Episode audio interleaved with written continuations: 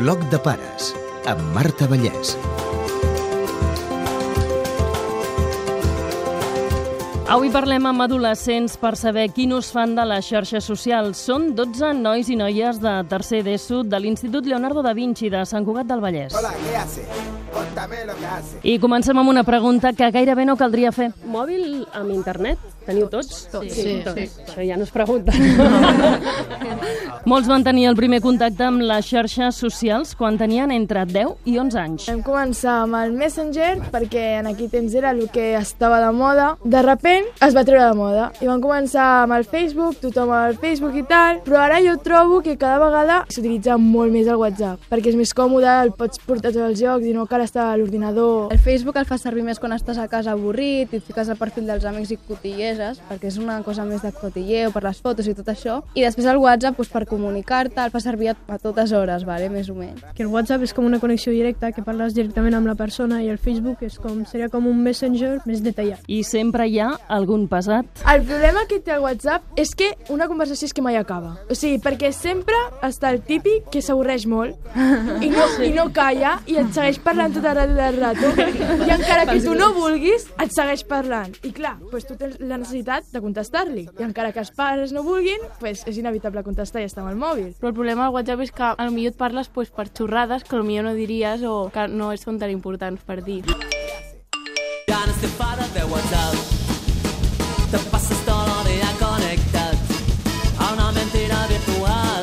Per contactar amb amics, mirar vídeos, escoltar música i veure fotos són els usos més habituals.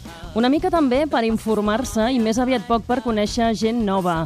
YouTube per música i vídeos i el Google per fer treballs. Per parlar amb la gent utilitzo el WhatsApp i per informar-me eh, utilitzo molt el YouTube. El Google és que t'ho fa servir per tot. Fiques una A i et surt de tot, saps? I per fer treballs, buscar informació, per mi el Google és, és imprescindible. I l'Skype? Jo el vaig servir per parlar amb la gent que no puc contactar per al telèfon o per WhatsApp, que està a Alemanya. Com que tinc tota la família argentina i sempre parlo perquè com que els veig molt poc i jo crec que és millor perquè ja el veus i m'agrada. Tinc tota la meva família argentina. L'Skype és molt útil perquè els pots veure i és una manera d'estar com més a prop. A veure, jo tinc l'Skype per avorriment, perquè quan estàs amb una amiga és un... Què fem? Va, fem Skype? Vale, i ens fiquem allà a fer xorrades per la camp. Fan servir més aviat poquet el Twitter. El tinc perquè com que els famosos es connecten per allà, pues, principalment per això, perquè com que és un contacte com directe amb els famosos, no sé, o cantants, i com que pengen fotos i coses per la curiositat, però tampoc el faig servir, vull dir. A veure, per exemple, qui seguiu a Twitter? One Direction. No sé, jugadors del Barça o cantants o... perquè pues, et fa com més gràcia que algun missatge que hi ha escrit que tu el puguis veure directament que l'ha escrit ell. Les ofertes de tarifa plana els hi han posat més fàcil a l'hora del control de la despesa, però no a tots. Ja pagues alguna al mes, com que tots tenim WhatsApp, ens comuniquem via per allà i no hi ha més missatges extras i coses a part. Jo quan arribo a casa me fan deixar damunt del rebedor. Va ser perquè em vaig passar del contracte que tenia i llavors des de llavors m'ho van fer, com un càstig. Les factures i tot això, com que em passi de 10 euros, ja me'l treuen dues setmanes o un mes, depèn. Però normalment em- me'l treuen abans del càstig. Es connecten sobretot a les tardes i també durant el cap de setmana. Us fan a casa un control del temps? Sobre els horaris, jo penso que es controla bastant, o com a mínim a casa meva, que a partir de les 10 el mòbil té que estar a la calaixera i a l'ordinador normalment ens el fan tindre al menjador per controlar bueno, el que fem i tal. Jo no tinc control perquè bueno, el mòbil clar el portes a sobre i llavors quan no estàs a casa tampoc et diran que no el facis servir. Els fa molta ràbia que mentre estiguem parlant en família depenguis del mòbil, en plan si estàs parlant amb les amigues o així, o un dissabte a les 4 mentre veiem una pel·li, no, no volen que depenguem del mòbil, sinó que estiguem un rato en família. Un tracte que vaig fer amb els meus pares al començar el curs va ser que a l'estudiar i al fer deures el mòbil al menjador. Però amb l'excusa de deixa'm el mòbil que el posa a carregar, pues se me'n va l'hora. O sigui, perquè encara que el deixi al llit, per exemple, i estigui a l'escritori, pues veig que m'han parlat, llavors pues és una tentació. Una cosa és a mitja hora, potser trigo una hora o una hora i mitja. No te metas a mi Facebook No te metas por favor Tots coneixen els perills a la xarxa. Per fer una pel·li, de que enviessis fotos per webcam o alguna així, que la gent s'ho cregui em sembla una mica ridícul.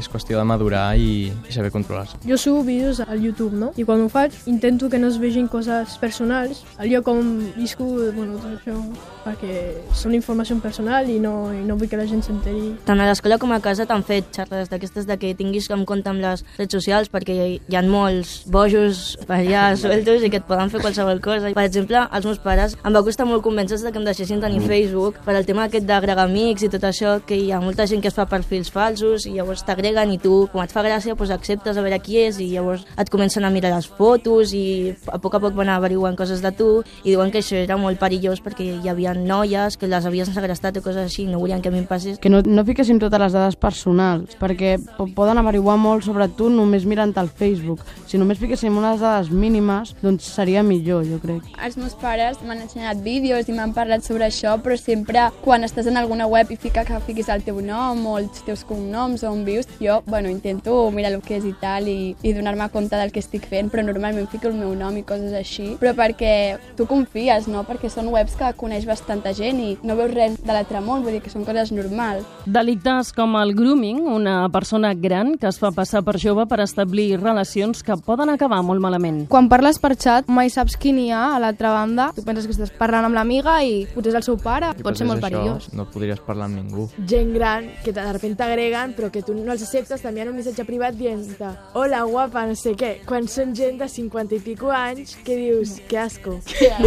Realment és que no saps qui hi ha darrere de la pantalla i com és gent que, bueno, s'ho munta molt bé i tot per enganyar-te i guanyar-te la teva confiança i nosaltres som tan petites per dir-ho així que no sabem molt bé el que hi ha allà fora. Molt de compte amb les càmeres. Em va explicar l'altre dia la meva mare que les webcams que hi ha uns hackers que el que fan és entrar des del seu ordinador a la teva webcam i et graven quan estàs connectat allà amb l'ordinador i després poden xantajar-te. El que diu la meva mare és que tens que ficar un gomet o alguna quan no el saps servir, saps? Mm. Que a mi també això, quan jo era més petita, que sí, sí que feia servir més l'Skype, pues sí, això m'ho van dir els meus pares, que anés molt en compte, perquè estàs amb un amic, però que mai facis res, que una altra persona pues, ho pugui fer servir en contra teu. Al hacking algú et roba les claus i es fa passar per tu. Una noia que tenia fotos al Facebook i una persona li va agafar i va crear un perfil amb el nom de la noia, amb totes les seves fotos i anava tirant les canyes a altres nens sense passar per la noia. Jo ho he vist les fotos d'una amiga meva amb un altre nom. O sigui, un perfil, un nom diferent amb les seves fotos molt fort. Te di todo mi amor arroba los.com y El sexting envia fotos amb poca roba a algú que acaben finalment sent de domini públic. Hi ha gent que els hi fan xantatge perquè envien fotos amb poca roba i coses així, però n'hi ha altra gent que les envia directament i això per mi és un molt mal ús perquè a la que tu envies una foto ja no és teva i després se la poden anar passant i n'hi ha molta gent que jo conec que ha fet això i que tothom té la seva foto ara. Pues ho fan perquè li agrada el noi o perquè... no ho sé per què ho fan, jo no ho faria mai. Tothom tenia Facebook i jo l'única que no tenia. Llavors han sortit com notícies de que noies que portaven poca roba i aquestes fotos que alguns hackers s'anaven passant, això últimament pues, controla més, però segueix sent un problema. Coneixíem a una noia que va enviar una foto d'aquestes ligeres de ropa i li va enviar una persona i aquesta persona li va enviar a tot el món, fins al punt d'arribar a pujar-la al Facebook i de tindre tot el poble. Jo coneixo una persona, vale? feia bastant que tenia un nòvio i estan sortint i li va enviar una foto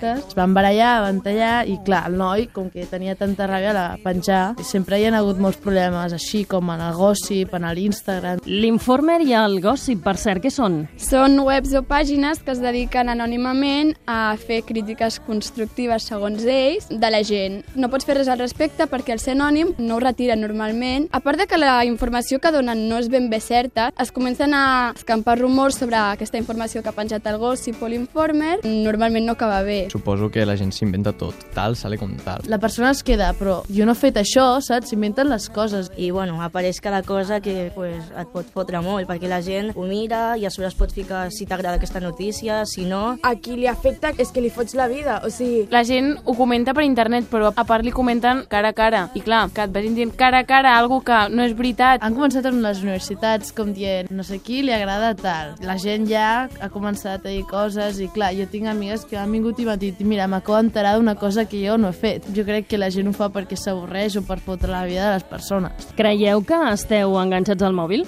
Jo no, jo sempre que estic amb una amiga o vaig a casa d'algú deixo el mòbil perquè crec que si vas a casa d'algú has de disfrutar-ho amb ell, no el moment, i que a mi si estic un mes o dos mesos sense mòbil no m'importa. Crec que s'ha de tenir uns límits i que hi ha persones que conec que no els tenen, que estan al menjar clic, clic, clic. No ho trobo correcte. Jo he estat castigada molt temps sense mòbil algun any i al principi es passa molt malament, almenys jo. Trobes a faltar comunicar-te, no saps com quedar amb la gent perquè no estem acostumats a fer servir el telèfon o anar a picar a algú a casa, però al final t'acostumes i és molt millor perquè les coses les dius a la cara i parles amb la gent a la cara, no tens molt millor relació amb els pares sense el mòbil i al final t'acostumes i és molt guai. Vuelva a enviarme una invitación pa' que me haga una granja. Te borro del Facebook. I els vostres pares fan servir també les xarxes socials? Ma mare no sap com funciona el WhatsApp, en té, però li parles i al cap de dos dies et contesta. En canvi, el meu pare sí que fa servir el Facebook o el WhatsApp per comunicar-se amb els seus amics i també per la feina. El meu pare sobretot utilitza el WhatsApp pel treball i també hi té una pàgina web, fa servir bastant. Sempre està connectada al WhatsApp. Jo quan estic a la tele, la meva mare és la que està amb el mòbil. Jo a vegades em deprimeixo perquè el meu pare no para de rebre missatgets i el meu mòbil no sona i està ell parlant amb el WhatsApp i jo estic allà sense missatges i ell tot el rato parlant amb els seus amics i bueno. Els meus pares diuen que no volen perquè no volen estar com nosaltres. Afecta això la comunicació familiar? Els meus pares diuen que estem molt enganxats en el telèfon i que si es pogués deixar, que es podrien recuperar les coses d'abans, més la comunicació amb els amics i el contacte amb les persones directament. Jo això tampoc ho crec del tot perquè tenint mòbil i les xarxes socials i tot, que jo ho faig servir, jo no he perdut la relació amb els meus pares de la que tenia abans. Jo recordo un dia que vam vindre dues amigues meves a casa a dormir i ma mare em va dir que trobava molt malament que una d'elles dos es va ficar tota la nit a parlar amb el mòbil. Sí, em va dir que era una falta de respecte cap a la família. Estava allà amb el mòbil i tota l'altra família hem al sofà veient la tele o parlant. Els nois i les noies en feu el mateix ús? Les noies estan parlant a,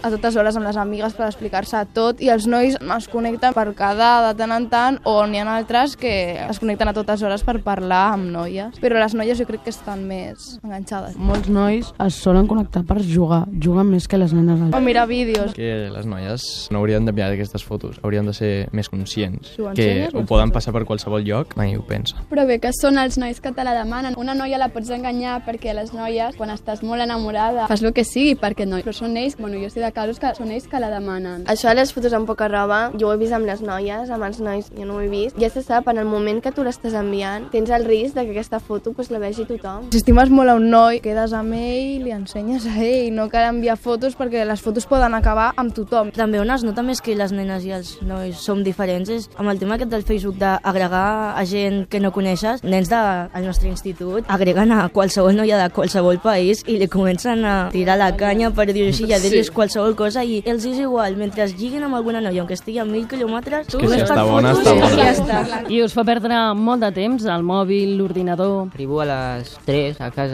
i dic, vinga, va, vaig a mirar el Face per veure si m'han comentat alguna cosa. 5 minutets. I quan et dones compte vale. ja són les 7 o les 2. Sí. Bueno, 5 minutets, no tornarà a passar i el pròxim dia torna a passar. Tens alguns deures així i et passen alguna pregunta i després, clar, vas mirant coses, et surten notícies, vas al YouTube, una cançó, bueno, et surt una altra, l'altra, i llavors ja vas clicant i ja mires, és super tard, se t'ha passat tota No, em fa l'hora. molta mandra fer-ho. Sí. Started out as Facebook friends who knew that it would end.